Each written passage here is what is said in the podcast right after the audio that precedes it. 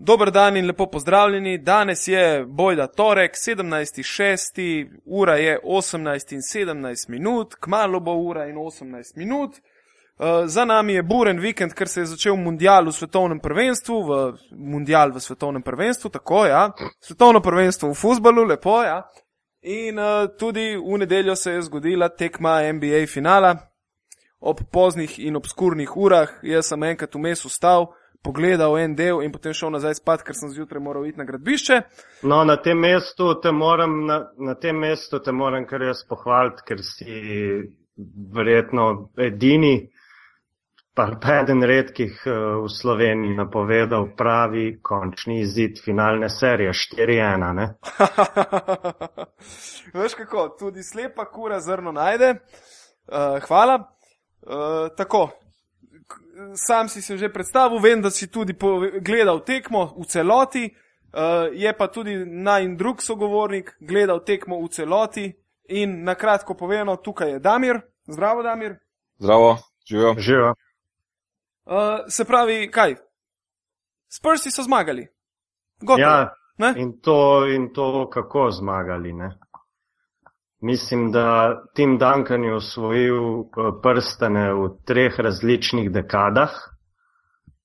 Je prvi, mislim, da mu je to uspelo. In pa, mislim, in pa mislim, da je bila tudi ja, leta treh dekadah. Uh, je pa tudi, mislim, da je bila to serija finalna z najvišjo razliko, uh, točkovno, v korist zmagovalca, če se ne motim. Uh, tako da, ja, definitivno so, jaz mislim, moram priznati, da kaj, kaj tako lepega, tako dobre košarke ne pomnim, kdaj sem jo na zadnji gledal. Res uh, totalna košarka bi lahko temu rekel. Totalna, totalna se kar strinjam. In kapo dol, uh, kapo dol celemu strokovnemu štabu San Antonija, ki je skozi vsa ta leta ta svoj sistem res dogural do, do, do te mere, da ne glede na to, kdo pride na igrišče, naredi svoje in tudi recimo na tej peti tekmi Tonija Parkerja praktično ni bilo do tretje četrtine. In brez Tonija Parkerja in zelo slabim uh, grinom so vseeno namazali na kruh Miami. Še enkrat več in ja, to je to.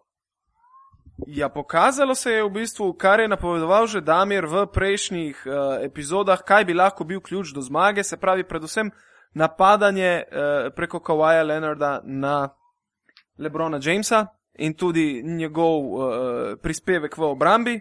Zdaj, Lebron je svoje pike dosegel, sicer ne, uh, ampak kljub vsemu je Kawaj Leonard bil ključ do tega prerojenega uh, San Antonija. Damir, kako si ti videl zadevo?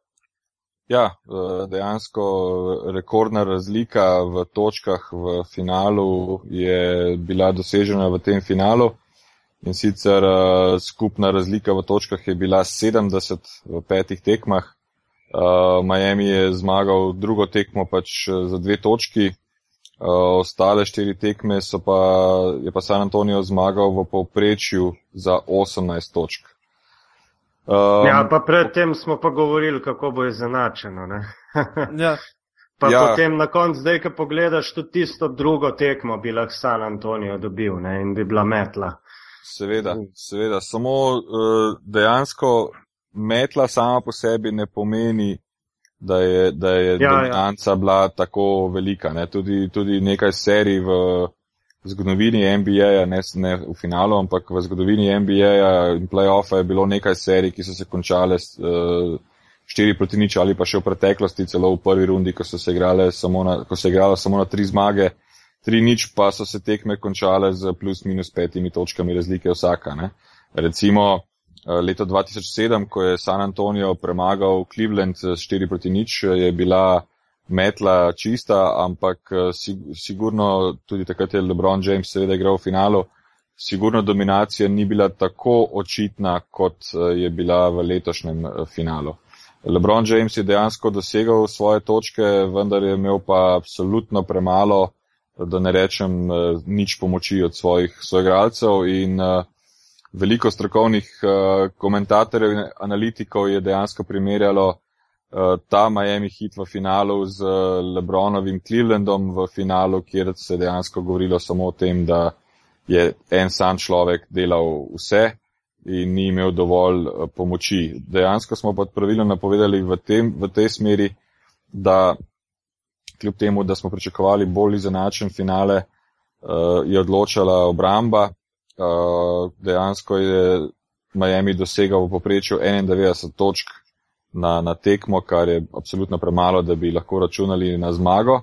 In pa to, kar sem jaz povdaril tudi v prejšnjih odajah, da bo odločilno tudi, da bo odločilen tudi med za tri točke uh, pri obeh ekipah, še posebej igralcev, ki so vstopili in, v, iz klopine. Ja, uh, tukaj je Peti Mills naredil res dober posel. Tako, na zadnji tekmi se je pokazalo, ko, ko ko Tony Parker ni mogel zadeti sončne strani hleva, uh, dejansko ni, če ne bi bilo peti mil, so bi lahko zelo tenko piskali, uh, vendar so pa potem trio Mills, uh, Ginobili in pa Leonard uh, vseeno uspeli uh, pripeljati uh, tekmo do konca. Zanimivo je bilo tudi to, da Miami je začel furiozno v peti tekmi povedal z 22 proti 6. In takrat je bil ozvočen na, na time-outu Greg Popovič, eh, medtem ko smo v Evropi marsikje navajeni trenerjev, ki pri takem rezultatu mečejo table po tleh uh -huh. in uh, govorijo grde besede, tudi seveda v naši ligi, je on rekel, da sedaj pa imajo v bistvu še celo tekmo, da to zadevo, kjer so pač na začetku zamočili, da spreobrnejo in je bilo zanimivo videti tudi izraze na, na klopi igralcev. Enostavno so se usedli in so rekli, dobro, zadihajmo, gremo se postaviti eh, drugače in gremo svoje speljati. In uh, nikakor nisem čutil nobene panike pri igralcih uh, in, in trenerskem štabu San Antonija, kljub temu, da je 16 pik, uh, sicer v NBA veliko preobratov, pa vendar 16 pik v finalu, kvalitetna ekipa kot je Miami, bi se dalo drugače odigrati. Vendar pa iz tekme v tekmo je recimo uh, padal v formi Dwayne Wade, ki nikakor ni mogel dovolj pomagati uh, LeBron Jamesu. Uh, Chris Bosch je v finale vstopil z eno dobro popotnico iz konferenčnega finala, kjer smo vsi mislili, da se bo forma lahko samo še stopnevala, če ne, če ne vsaj zadržala taka, kakršna je bila v konferenčnem finalu. Vendar pa je bil zadnje dve, tri tekme Kris Bož dobesedno izgubljen. Po tisti super podaji na drugi tekmi, kjer je Dwayne Wade zaključil za, potem za zmago uh, Miamija, je dejansko naslednje tri tekme sta oba dva uh, popolnoma poniknila. Če k temu dodamo še izredno nervoznega Krisa Andersona, ki je dejansko se več prepiral s sodniki, kot pa igral uh, to, za kar je bil pripeljan in uh, nepričakovano nekonstantnega Reja Elena, ki je imel svoje ups and downs, dejansko v Miami ni mogel drugega pričakovati kot, uh, kot, kot poraz v tej ja, seriji. V bistvu je, je Rej Ellen s tistimi 16 točkami, mislim, da na drugi tekmi eh, pokazal praktično takrat vse, Vse, kar je imel za pokazati, je pokazal takrat, vse ostalo je pa nekak, Tako, neka žalost. Ne? Ampak, ampak eh, to, je, to je še v redu proti temu, kaj je pokazal Marija Chalmers, kaj je pokazal Norris Cole, um, da je bil še ja. zalo, zalepljen na, na, na klop, da je Judonis Heslem prišel v igro, po domače povedano takrat, ko ni bilo treba da je Michael Beasley bil aktiviran samo za zadnjo tekmo, kljub temu, da je napadalno bolj potenten od eh, tri četvrte ekipe uh, Miamija in da, da, da je v Miamiju dejansko igral vidno vlogo v finalu Rashard Lewis, ki je poprej uh, večino sezone presedel na klopi, da je Greg Oden uh, niti ni prišel v rotacijo. Eh, da bi karkoli Spelstra, eh, trener Miami, poskušal spremeniti, ko je videl, da dejansko stvar, stvari ne tečejo tako, kot bi, kot bi morale. In rezultat je absolutno, če pogledamo nazaj na vse to, kar sem povedal, jasen, da drugačen niti ni mogel biti, kot je bil sedaj. Uh, bi pa vseeno omenil, da ta zmaga San Antonija je bolj zmaga San Antonija, kot pa kritika slabe igre Miami. Jaz mislim, ja, da, sigurno, to smo šli treba, malo, da je to predaleč. da je to treba povdariti. Jaz sem pač zdaj začel iz, bom rekel, zadnje plati. Uh, Miami ni bil dorasel nasprotnik, vendar pa tudi ne verjamem, da bi letos kdorkoli s tako igro, kot je prikazal San Antonijo, uspel parirati uh, te ekipi, ki je pokazala dejansko uh, vso vrednost in zakaj je tudi to priljubljeno, da je San Antonijo zmagal in zakaj je večina ljudi veselih. Ker tudi tisti, ki si ne znajo razložiti, zakaj so veseli, so veseli zaradi tega, ker je San Antonijo povrnil upanje v ekipno igro v košarki, ki je počasi začela izumirati z potenciranjem razno raznih nosilcev franšize zvezd in tako naprej. In dejansko je, je NBA začel po tistih slavnih časih uh, Brda, Magica in Jordana počasi izgubljati na svoji neprepoznavnosti, ampak na svoji tradiciji košake kot moštvenega športa. Na zadnje, ko sem prebiral, je košaka bila moštveni šport in San Antonijo je dejansko povrnil vero v to, da dve, tri zvezde v ekipi ne, ne, ne naredijo ekipo in da dejansko moraš samo v mozaiku igralskem poiskati ljudi oziroma igralce, ki bodo tvorili ekipo in se uspeli tudi uh, podrediti uh, ekipi in uspehu ekipe. Najbolj zanimiva izjava, ki sem jo prebral, to je bilo že med finalom, um, ko so Grega Popoviča vprašali, kaj delajo s prsi na draftu, kako oni to pač skautirajo. Ne? In um, zdaj bom, mi boste vi pomagala v slovenščino prevesti, ampak on je rekel, we draft people who get over themselves before they come to the NBA. Kar pomeni, ne vem kako bi rekel, ki, ki, so, ki so dovolj odrasli, da, da so svoj ja. ego čekirali. Pravljeni dati na stran, ne. Sej, ja, v bistvu oni, oni, oni draftajo igralca in potem še malo počakajo ponavadi, ne, da se, uh, da se razvije do konca. Tako in, samo, samo uh, pa... Naslednji v tem primeru bo recimo Davis Bertans, ne. Uh, ja ni, so ga draftali, ampak so ga še mal postili per, per Partizanu in ni, ni, ni dvakrat zareč, da da čez dve recimo leti, ko bo čist pripravljen, da bo on brez težav skočil v ta sistem. In še marsikdo drugi. Ne. Seveda, se pa recimo tak primer je Danny Green. Danny Green je bil. Ja. Dvakrat. Olimpija, ne? ja, dobro, tisto je bilo zaradi lokauta, ampak Danny Green je bil dvakrat poslan uh, ven iz, popolnoma ven iz uh, San Antonija, Tipe, s ja. tem, da so mu dali vedeti, da če bo delal na tem, tem in tem, se lahko nazaj tudi vrne. In on je točno to uh, naredil. Ne?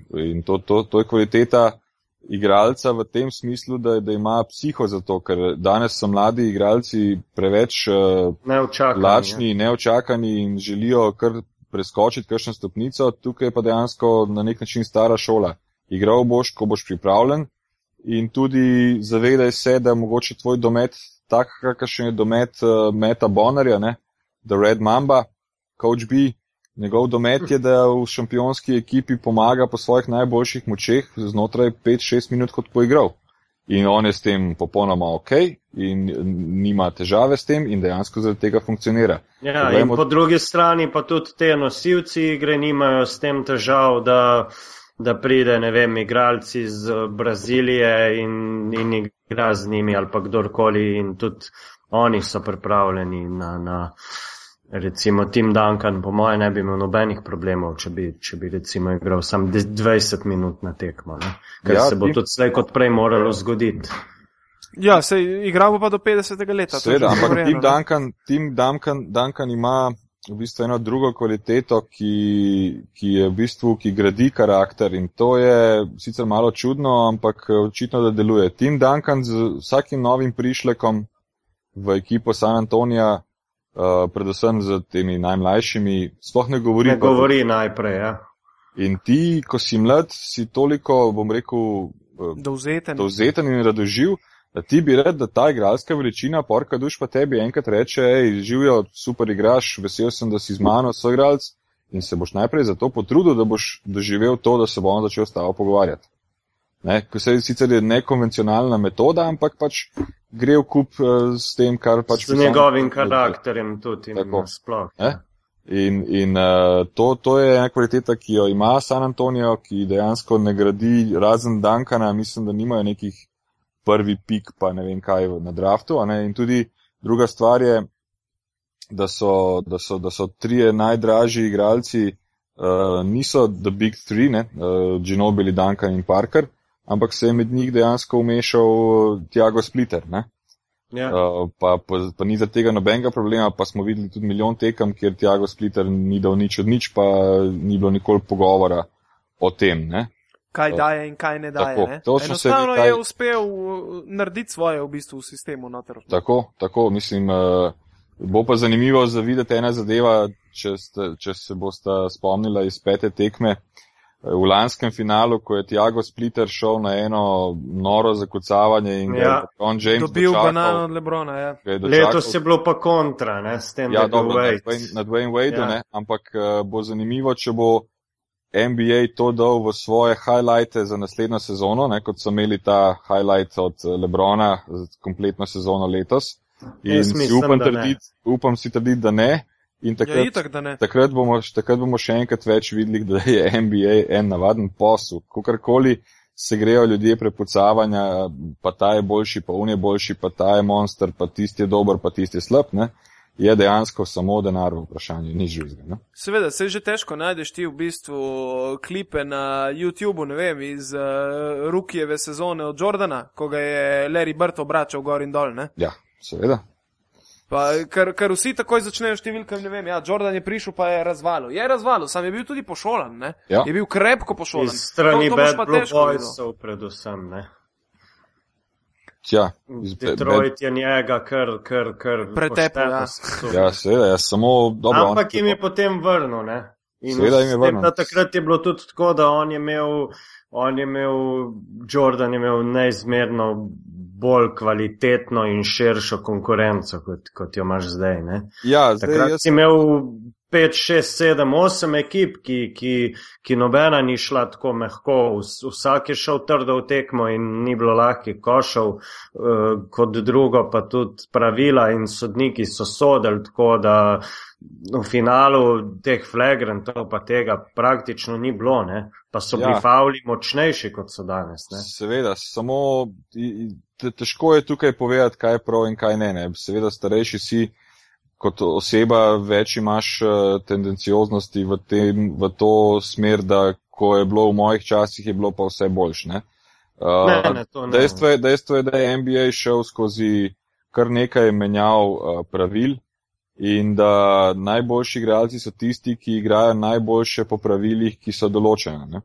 Ja, in zdaj za, za nas, uh, moške, ki se bi hoteli po prsih uh, toč, da smo mi pravi jamski ljudje je tista košaka bilo, bila bolj zagledati, kjer so bili in pretepi in, in, in hard fauli. Je pa druga stvar ta, da so danes igralci kljub samo toliko močnejši, da če se taka igra dopušča, eh, lahko pride do neslutenih poškodb, ki pa spet finančno delajo minus NBA-ju. Tako da zaradi tega je bilo tudi potrebno kaj spremeniti v kakšnem pravilu. Ne. Jaz sem tudi zato in tudi največ sem igral v časih, ko je bilo prej pretep, potem pa košarka. Ampak eh, vseeno, treba je tudi zaščititi eh, nekatere ljudi, ki nosijo denar, treba je zaščititi nekatere ljudi, ki bi bili izloženi uh, velikim, velikim možnostim poškodb in tako naprej. Zamislite si vidva Kevina Durenta s temi svojimi nogicami, da ga daš igrati proti Bad Boysom, pa mm, on ja. bi bil poškodovan prvo tekmo in končal kariero z kompliciranim zlomom glave, porka duš. Ne?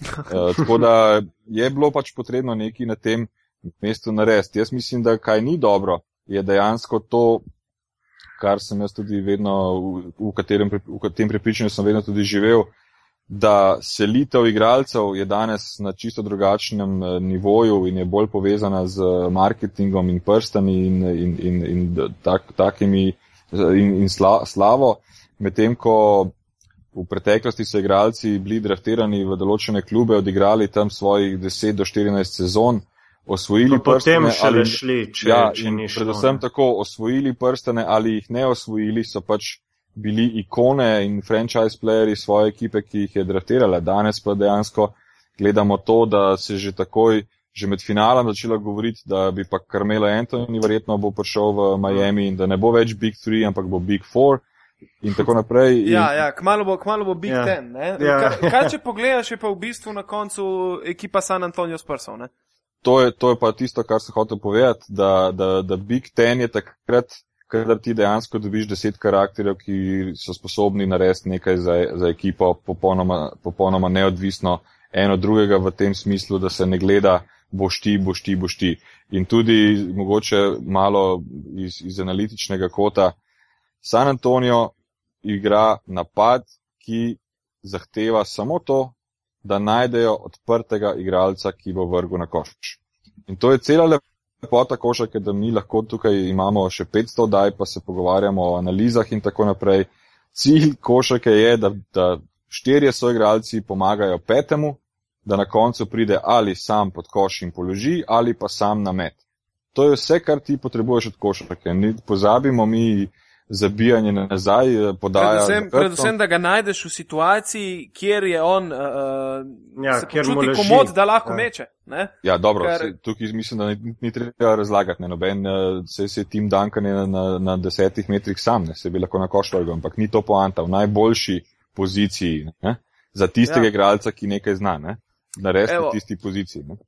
Če se, če se tukaj zdaj vrnemo nazaj na San Antonijo Spurse, recimo, ne, uh, MVP celotne finalne serije je bil Kawhi Leonard. Ja. Igralec, ki na prvih dveh tekmah v bistvu še ni, ni bil, pokazal ja. tega, na tretji je naredil svoj uh, rekord Boom. karijere. Ne?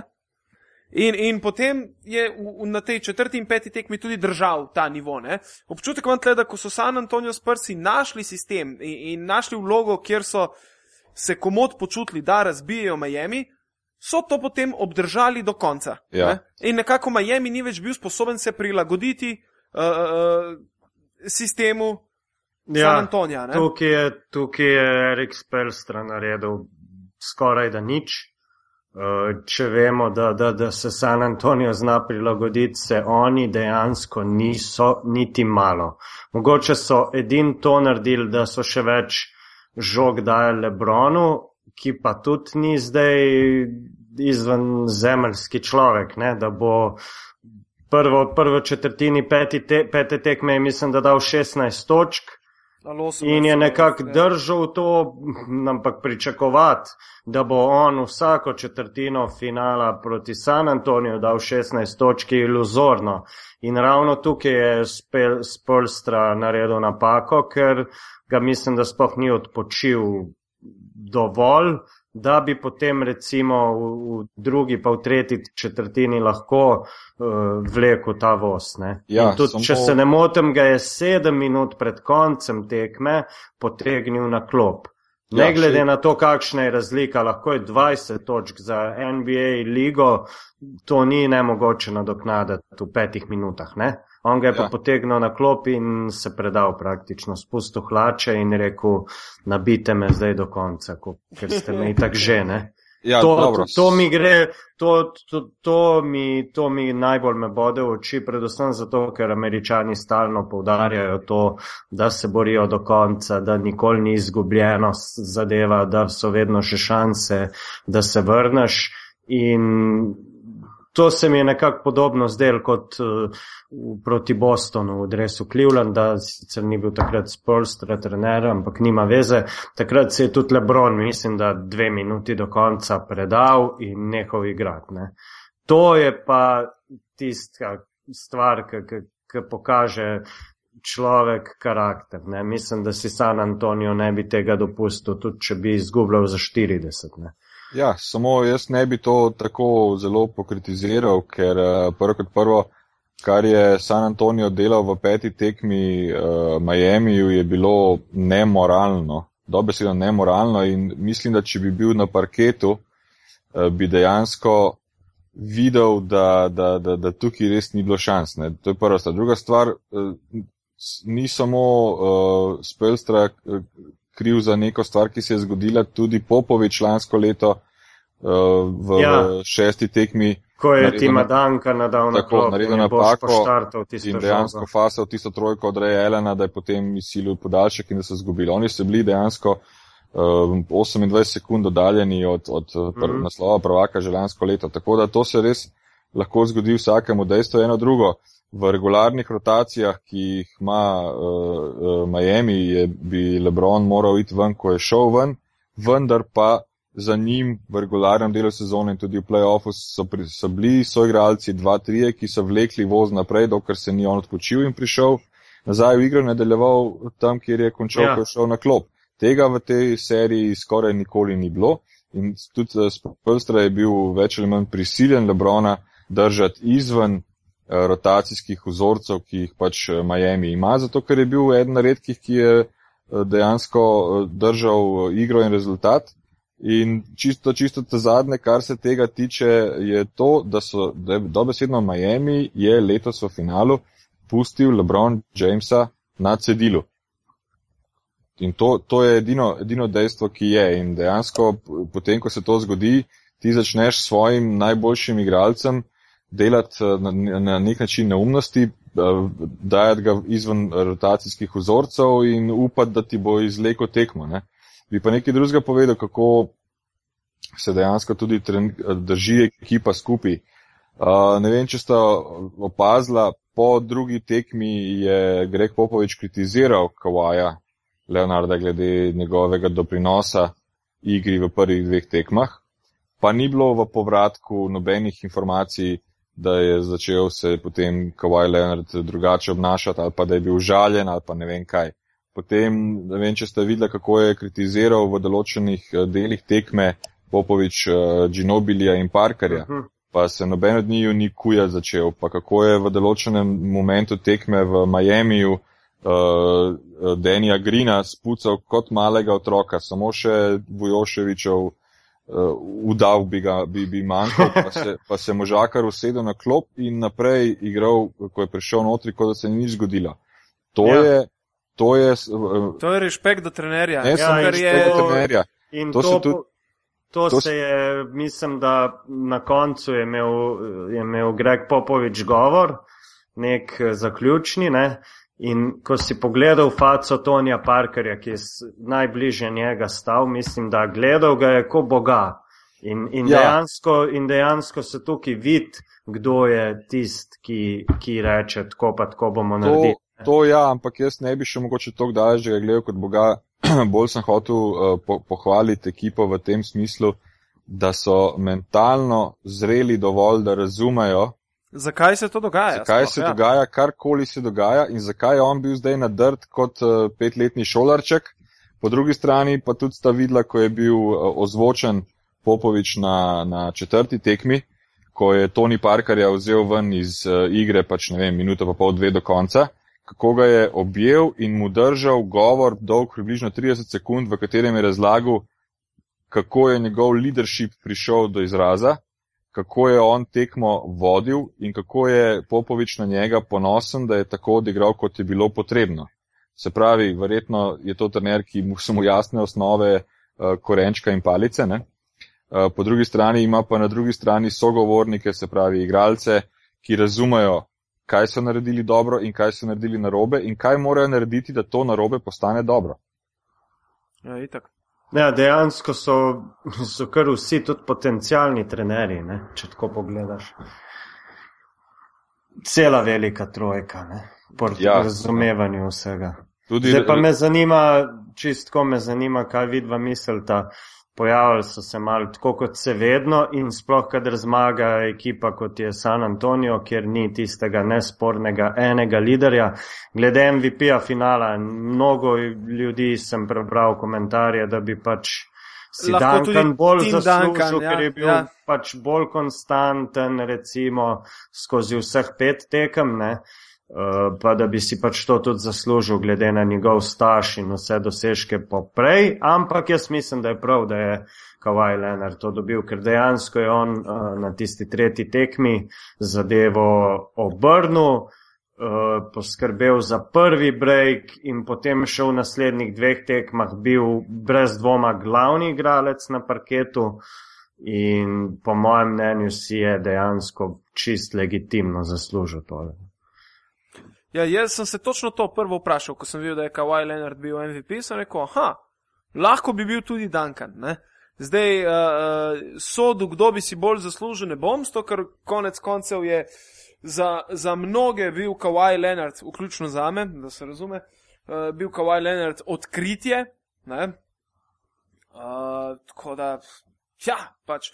Me, mene je osvojil že s tem, ko sem ga videl, da kako v bistvu on prihaja iz ozadja in je bil neke sorte, uh, ne morem reči, lider, no, ampak je bil pa ta uh, momentum, je bil njegov, ne. On je obračal zadeve, kljub temu, da je prihajal iz ozadja, ni se silu, veliko krat je pobral skok v obrambi, odigral kontro, se obrnil v raketi, šel nazaj ven, iskal podajo in spet iskal to rotacijo. Ne? Skratka, videl si ga, kako razmišlja in v napadu in vse čas ni impulzivno igral, kot se lahko pričakuje od, od enega, od enega 23-letnega uh, uh, igralca, ki v bistvu prvič ima tako vlogo. Niti še nima 23 let, ampak ja. ja, dejansko je, on je tam bil, igral in bil tiho in delal tisto, kar, kar najbolje zna v tem, v tem trenutku. In ja, de, ni ga odneslo niti za trenutek. Ne, da je naredil tisto, kar najboljše ja. zna, ampak je naredil najboljše ja. do zdaj. Ne? Se pravi, v bistvu je najboljše igre karijere prihranil za svoj finale. In to je, mislim, to je pa odlika velikega igralca v velikem sistemu. Ja, ja. ja. Um, tu je še ena zadeva, pač prej smo govorili o tem, da je to posel in tako naprej. Um, prvo kot prvo, moje mnenje, to je pač subjektivno, ampak moje mnenje je, da si je Kawhi Leonard dejansko to zaslužil, ker je imel v bistvu tudi najtežje delo v obrambi, poleg tega je pa imel izgovor zaradi tega, da mu v napadu ni bilo treba dosegati 20 plus točk na tekmo. Druga stvar je, ker je pač eh, kriv LeBron Jamesa. Uh, druga stvar je pa ta, da NBA je posel. Uh, Kawhi Leonard je postal prvak na šesto obletnico smrti njegovega očeta in ta hm. obletnica je dejansko tudi se zgodila na, na očetovski dan, ki je pač uh, praznik v Ameriki, neformalen praznik očetov. In američani so nori na tako imenovane feel good stories. Ja. In uh, to je pasalo v ta dobičkarski imič NBA-ja, ki pač mora poskrbeti poleg, poleg igre tudi za šov, mora poskrbeti in pač to zdaj je super, da je to fant, ki so mu pred šestimi leti ubili očeta pred njegovimi očmi v trgovini in dejansko um, sedaj po šestih letih on na vrhu sveta v svoji panogi ravno na ta dan in to sem jaz, uh, preden je bilo konec pete, pete tekme, dejansko sem tudi na Twitterju imel napisano, ampak potem nisem hotel izpast, da, da, se, da sem se zmotil, pa sem kliknil takrat, ko mu je dejansko bil poda, podan uh, pokal za, za MVP-ja in sem to tudi naredil. To je, to je pač, uh, poleg tega, da si zaslužil, je to potem še dodaten jeziček na tehnici, če bi kdo drug razmišljal, da si je mogoče Tim Duncan bolj zaslužil ali pa če bi to podprl s kakršnokoli statistiko ali karkoli. Dejansko to je en feel good story za, za Ameriko in američani so pač usekani na te. Vse je izjemen feel good story, če pogledaš ja. simbolika, je res izjemna. Ja, seveda, seveda, sej, lej, jaz kljub vsemu tudi, koliko je eh, Gali začel v tem smislu, da se pač nekateri se sprašvali ali ali, poglej, popolnoma mu lahko vsi privoščijo, tudi tisti, ki si mogoče mislijo, da je Tim Duncan bolj zaslužil si zaradi svoje uh, konstantnosti. Ne? Tako da mhm. mislim, da se tukaj niso, niso zmotili in, in da dejansko je ta naslov MVP-ja v, v pravih eh, rokah za letošnjo sezono. Ne? Ja, zdaj pa bom kar šel mal v prihodnost. Uh, kaj naprej? Mislim, da, mislim, da sta uh, Tim Duncan in Mano Ginobili rekla, da ukolikor jim uspe, uspe nekako podaljšati Petja Milsa in Borisa Dioja, uh, njega smo pozabili, ampak je bil v mojih očeh tudi eden ključev, pa ne s točkami, ampak z vse stransko predstav na, na celem parketu. Bil je najboljši asistent na zadnji tekmi, devet skokov še zraven, skrbel je tudi za Lebrona Jamesa, za Krisa Boša, res nisem kapo dol, nisem si pričakoval, nisem pričakoval, da bi lahko on tok doprinesel k tem, ampak kaj zdaj naprej? Lahko San Antonijo z istim kadrom, mogoče enim, dvema igravcema, da se zamenjata. Uh, še enkrat tako gre globoko, kot, kot temu rečejo američani. Jaz mislim, da lahko, ja. Lahko. Zato, ker vsi smo pričakovali, kaj se bo pa letos zgodilo, uh, zato, ker so jim in uh, Ginobili in uh, Parker in uh, Duncan leto starejši in ali bojo zmogli, potem pa na koncu vidiš, da se pri, pri San Antoniju sprsih klop širi izjemno in počasi, ampak ustrajno se ustvarjajo uh, tudi temelji naprej za prihodnost. Tako da jaz mislim, da za to ekipo še ni zime. Ne? Ja, jaz mislim, da če, če, če bojo. Če bo Predvsem mora Pops ostati. Če bo sta Ginobili in Duncan pri volji, še absolutno moramo tudi to povedati, da Duncan ima do 24.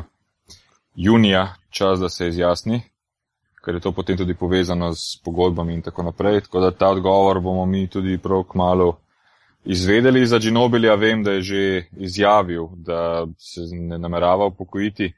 Um, in tudi glede na zabijanje, ki ga je pokazal preko Kris Boša. Še zmeraj sanja. Jo, jo, se ne rabi upokojiti. Ne ja. rabi se upokojiti. Uh, dejansko San Antonijo je povzročil tudi nov pretres v bistvu v NBA-ju v tem smislu, da se zdaj ekipe bojo v tem poletju, ker si že ravno govori o prihodnosti, se, bojo, se, še bolj, se bodo še bolj premišljale, kako za vraga naj oni sestavijo ekipo, ki bo čim bolj podobna temu, da jim funkcionira dejansko 10 do 12 igralcev, ne pa da imajo 3, 2 ali pa eno zvezdo in potem z nekimi roleplayerji obkroženi ne, ne morejo nikakor prijeti ven iz vem, prvega kroga končnice. Ne? Tako da to, to letošnjo, letošnje poletje ocenjujem kot eno bolj zanimivih uh, ravno iz tega razloga, ker je San Antonijo spet postavil nek nov standard, ki bi lahko veljal za za, za NBA. Uh, ne vem, koliko ste seznanjeni s tem, da veliko trenerjev, ki, ki so po NBA-ju, so dejansko iz šole Grega Popoviča, pa domače povedano, ker je pač človek uh, 18 let uh, že trener v San Antoniju in mm. veliko je raznih njegovih pomočnikov, ki so šli potem naprej. Ne, ne vem, uh, Budenholzer v, v, v Atlanti, Mike Brown je bil pač v. Clevelandu, pa tudi nekaj kratkega v LA-ju in še par takih, ki jih je on v bistvu izučil. Um, druga stvar, ki pa je, recimo se mi je pa ravno utrnila ta misel, da ta košaka, ki je igra San Antonijo, je bila tudi nam v Evropi zelo všeč, ker je bolj spominjala na evropsko košako, kot pa na tako imenovano NBA ameriško košako z, z, z manj individualnimi akcijami in z več timske igre in mogoče se bo celo že zgodilo to, da bomo Mene je spominjalo na staro jugoslovansko košarko. Ja, ja, ja. Share, share the ball, ne, ja. dejansko je to, to ja. res. Ne. E, druga stvar je pa ta, da se mogoče že kažejo prvi obrisi takšne, bom rekel, evropeizacije v NBA-ju s tem, da se recimo Cleveland Cavaliersi pogovarjajo z Davidom Blatom iz Makabija. Kljub mm -hmm. temu, da je on američan, ampak je pa celo, uh, celo življenje dejansko delal v evropski košarki. Ne? In uh, če, če se bo to zgodilo, kar trenutno nikakor ne morem napovedati, ker je vse še 50-50, ja. bi dejansko lahko to pomenilo, da se lahko tudi sistemi igre začnejo v NBA-u spreminjati v to tako imenovano evropsko, čeprav je Evropa vsa leta, sploh zadnjih deset let, dejansko svojo igro se želela približati ameriški košarki. Eh, zdaj jim je pa Amerika v bistvu nazaj vrnila v darc, da ne, ne, vaša igra je popolnoma v redu, pogledajte, z njo lahko tudi v NBA-ju zmagate. Ne? Ja, kaj pa Miami? Miami. Mislim, da s tem, s tem v narekovajih Big Three ne bo šlo več, to je mislim, da jasno vsem. Predvsem zato, ker je Wade tako padel, da, da še jaz bil šokiran. Uh, Eh, da dejansko ne more, pa ne sam tako, tudi recimo čist banalni situaciji ena na ena proti Deniju Greenu ni mogel narediti nekega viška. Uh, boš tudi vemo, da ima najslabšo sezono v karieri, mislim, da za sabo. Uh, tako da s tem okostjem definitivno do naslova ali pa do finala že po moje ne bo šlo več. Kaj pa mislite, oziroma kaj mislite, bojo pa oni zdaj naredili. Ja, zdaj je tako, eh, prvo kot prvo Petra ali je maček. Uh, Miami jaz ne bi odpisal, nikakor ne. Uh, seveda Dwayne Wade ima nekaj dela pred sabo. Prvo kot prvo Dwayne Wade mislim, da, da ne bo šel nikamor iz prostega razloga, ker ima še naslednjo sezono uh, 20 milijonov mu še dolgujejo. Ne vidim razloga, zakaj bi šel. Dol mu je lepo, on je kljub samo kariero tam naredil ja. največjo. Kris eh, Boš je že izjavil pred finalom, da ne glede na rezultat finala, uh, bo on želel ostati. Um, Medtem ko Shane Betty se je upokojil po zadnji ja. tekmi, Ray Allen si je vzel teden dni časa. Uh, Ray Allen lahko kamot igra še naprej, glede na to, da je vrhunsko pripravljen pri svojih 38 letih bolje. Ja, mislim, da lahko še dve sezoni brez problema. Tako. Uh, s tem, da Poglejte, Miami ima poleg uh, luksuznega nightlifea in odlične klime tudi prednosti pri določenemu income taxu, se pravi, zaradi davkov, ja. uh, ki je pač na Floridi drugačen kot v drugih državah, eh, združenih držav. In Pet Riley ima vedno, vedno par adutov v rokavu, kako in kaj uh, bo on delal. Tako da niso zdaj veliko vprašanje, absolutno veliko vprašanje, ni pa to zdaj polom in pogrom Miamija, ki bo njih porinil nazaj v, ne na pamet govorim, izven playoff ali karkoli. In pa seveda cela ta druščina bo čakala in gledala, kaj bo naredil Lebron, za katerega je zadnji podatek um, beatwriterja um, Windhorsta, Briana, ki ga dejansko spremlja konstantno že iz časov Clevelanda, trenutni, trenutno je izjavil, da se mu vse, vse bolj zdi, glede na njegove izjave in dogodke zadnjih nekaj dni, da se nagiba k temu, da, gre, da bi šel ven iz uh, Miamija. Ampak um, to so zdaj vse spet samo govorice. Jaz mislim, da tudi naš čas tukaj ni potrebno tratiti s tem. Bomo, ko bo kaj bolj konkretnega, kaj bolj otipljivega in kaj bolj dokazljivega, uh, bomo lahko bolj pametno se pogovorili, bolj argumentirano se ja. pogovorili. Ne?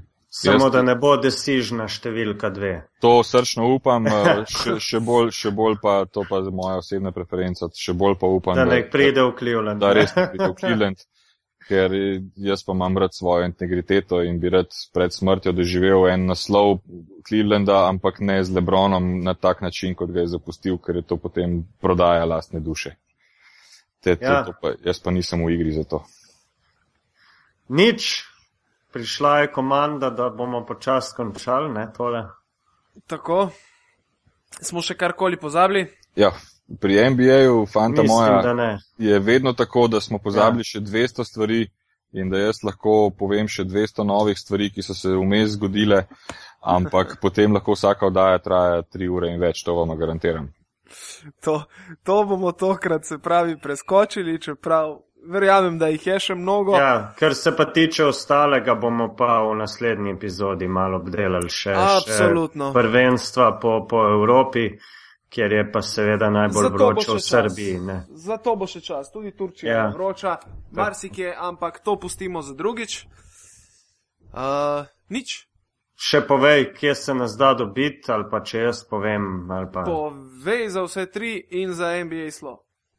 Dobro, uh, Naš podcast pivotiranje je del mreže Apparatusa, to že veste, aparatus.ca, uh, slash oddaja, slash pivotiranje, tam se nas najde, vse epizode, tudi tale 45, a potem imamo pa še seveda profil pivotiranja na Twitterju in Facebooku.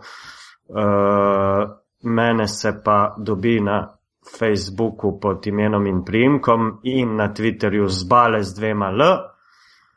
To je pa nekako vse, zdaj pa še vidva na hitro. Damir? Ja, mene se dobi na Twitterju mrdee25, se pravi Mr. D25 in pa uh, afna NBASLO, se pravi MBASLO, kjer pa se trudimo vam dnevno dozirati vse, kar se zanimivega zgodi v NBA-ju. Tako da sezona NBA slo se še ne bo končala, ker kmalo prihaja tudi draft, pa trade, tako da se ima marsikaj za brat. Absolutno. Absolutno. Mene najdete na Twitterju pod uh, Tibor Jablonski, T. Jablonski z Y. Uh, in to je to. to A, je pa vsi, današnje... ki poslušate v iTunesih, bo vsak komentar tam dobrodošel. In ocena tudi. Tako. Tako, tako bo več ljudi lahko našlo. Uh, naš podcast. Naš, naš spletni šank. Um, evo, in to je to. To je bila 45. epizoda. Hvala, ker ste ostali z nami. 45. epizoda se končuje v 45 minutah. Okay, hvala vsem za poslušanje, pa naslišanje prihodnič. Tako, živijo. Adijo, srečno.